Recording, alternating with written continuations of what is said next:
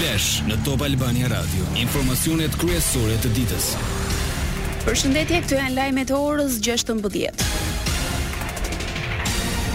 Kuvendi i Shqipërisë i dërgon SPAK-ut vendimin për dhënien e autorizimit për arrestimin, heqjen e lirisë së deputetit Sali Berisha nëpërmjet zëvendësimit të masës së sigurimit. Bashkë me këtë vendim, prokurorisë së posaçme iu dërguan edhe dy raportet e mazhorancës e të deputetit Enkelejd Alibeaj në mbledhjen e Këshillit për Mandatet. Kuvendi e dha autorizimin për Berishën, por çfarë ndodh tani? Përmes një korrieri special ose postës, SPAK-u i drejtohet Gjykatës së Posaçme për zëvendësimin e detyrimit për paraqitje dhe ndalimit të daljes jashtë vendit me një masë më të ashpër. Deri tani prokurorët nuk e kanë konfirmuar nëse do të jetë arrest në burg apo arrest në shtëpi. Më herët gjatë ditës, me shtatëdhjetë e pesë vota pro, Kuvendi miratoi kërkesën e SPAK-ut për heqjen e imunitetit të deputetit Sali Berisha, duke i dhënë dritën jeshile kërkesës së SPAK-ut për arrestimin.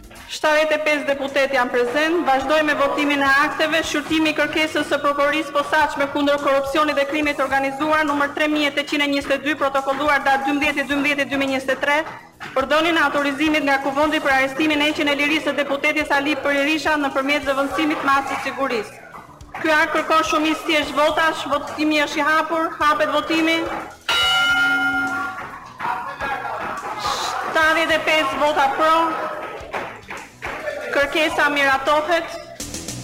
I akuzuar për korrupsion pasiv në privatizimin e klubit Partizani, Sali Berisha refuzoi të zbatonte masën e detyrimit për paraqitje që iu caktua dy muaj më parë.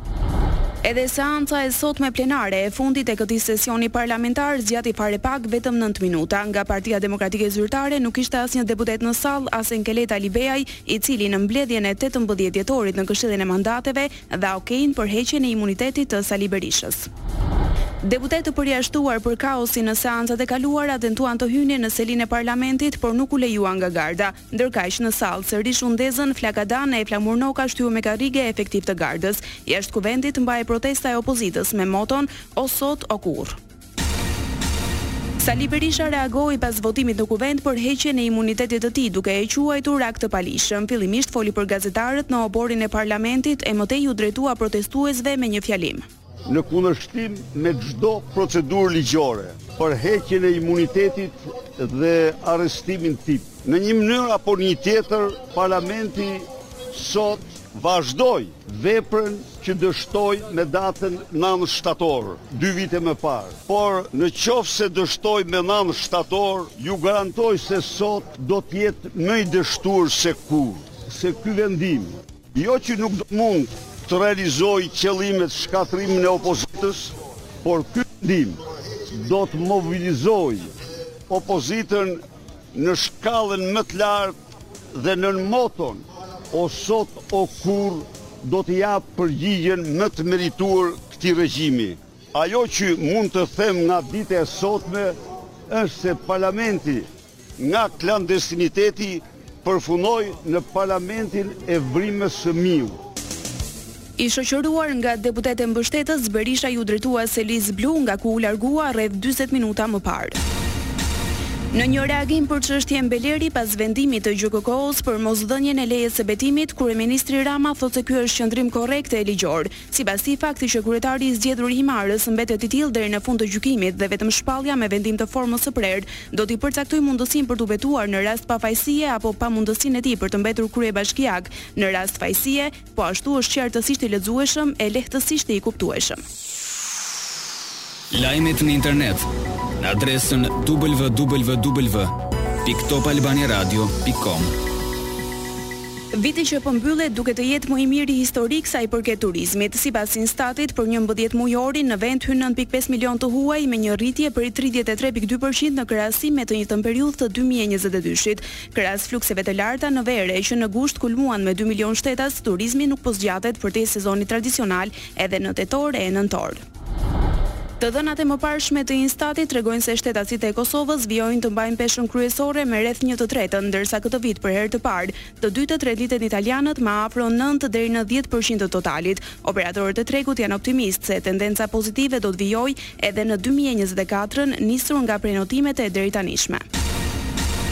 Përfaqësues të shoqërisë civile u vlerësuan nga kryebashkiaku i Tiranës, Erion Veliaj me certifikata mirënjohje për punën e bërë në vitin që po lëmë pas. Në takimin me ta, Veliaj u shpreh mirënjohës për bashkëpunimin në zgjidhjen e shumë problematikave sociale. Fundi i vitit është një moment fantastik për të festuar edhe për t'iu gëzuar arritjeve. Po është dhe një mënyrë për të reflektuar, për të reflektuar mbi ata miq, mbi ata shokë, mbi ato skuadra që na ndihmon. Trimi i mirë me shokë shumë, thotë ajo shprehja shqip Silvan, dhe unë jam ai trimi që kam shumë shokë e shoqe që kanë ndarë një pjesë të kësaj përgjegjësie. Asnjë njeri nuk ia del dot vetëm, edhe në vendet më të zhvilluara, edhe në Francë, edhe në Angli, edhe në Shtetet e Bashkuara, edhe në Australi, ndjenja për të ndarë barrën, sidomos për çështje sociale, është ndoshta parimi më i drejtë. Askush nuk ka monopolin as të bamirësisë, as të zgjidhjes së problemeve.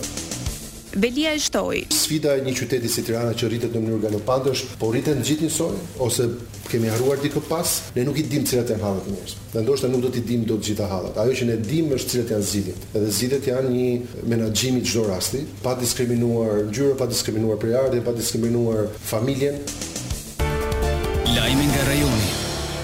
Pas fitores në zgjedhje, Presidenti Vuçiq tha se po harton një letër për ndikimin dhe ndërhyrjen e një vendi të rëndësishëm në procesin zgjedhor të Serbisë në mënyrë më brutale, por nuk specifikoi se cilit shtet po i referohej. Presidenti shtoi se votimet ishin më të pastrat e më të drejtat deri tani. Zyrtarët e Sarajevës shpallën gjendjen e jashtëzakonshme pasi kryeqyteti i Bosnjës rezultoi ndër më të ndoturit në botë sipas një renditjeje të fundit nga Air Visual. Mikrogrimcat e rrezikshme të pluhurit kalonin me dyzet e nëntë herë standardet e Organizatës Botërore të Shëndetësisë. Në Sarajevë u ndalua qarkullimi për automjetet me motor Euro tre. Lajme nga bota. Presidenti francez Macron mbrojti ligjin e emigracionit të miratuar nga parlamenti e shumë të kritikuar. Për televizionin France Pesë, shefi i Elizesë u shpreh se ligji synonte qartësisht të parandalonte emigrantët që të emigronin në Francë në mënyrë të parregullt, dhe kështu të parandalonte mbingarkesën e sistemit social. Hamasi kundërshtoi propozimin e Izraelit për armëpushimin njëjavor në këmbim të lirimit të dyzet pengjeve. Negociatat do të nisin vetëm pasi të fillojë një armëpushim i vërtetë. Kjo ishte përgjigja e grupit palestinez. Ndërkohë, u shty për sot votimi për rezolutën e Këshillit të Sigurimit të OKB-së për Gazën.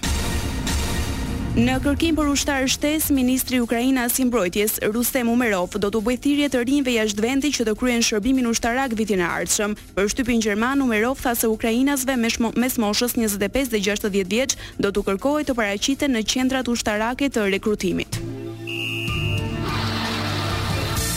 Sport.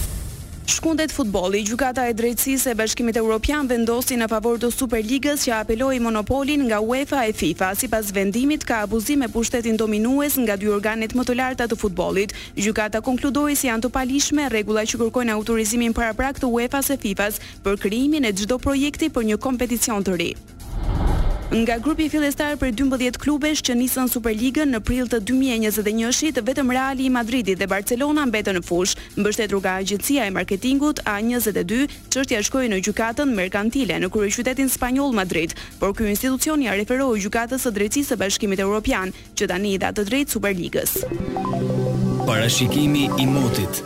Edhe në orët në vijim vendi ynë do të vijojë të ndikohet nga kushte atmosferike të qëndrueshme si rezultat i masave ajrore të ftohta dhe të thata me origjinë veriore. Moti mbetet i kthjellët si dhe me alternime vranësirash. Temperaturat variojnë nga minus katër në gjashtëmbëdhjetë gradë Celsius. Këto ishin zhvillimet kryesore të ditës, edicioni i radhës është në orën 17, unë jam Armelda Methasani. Kjo është Top Albania Radio.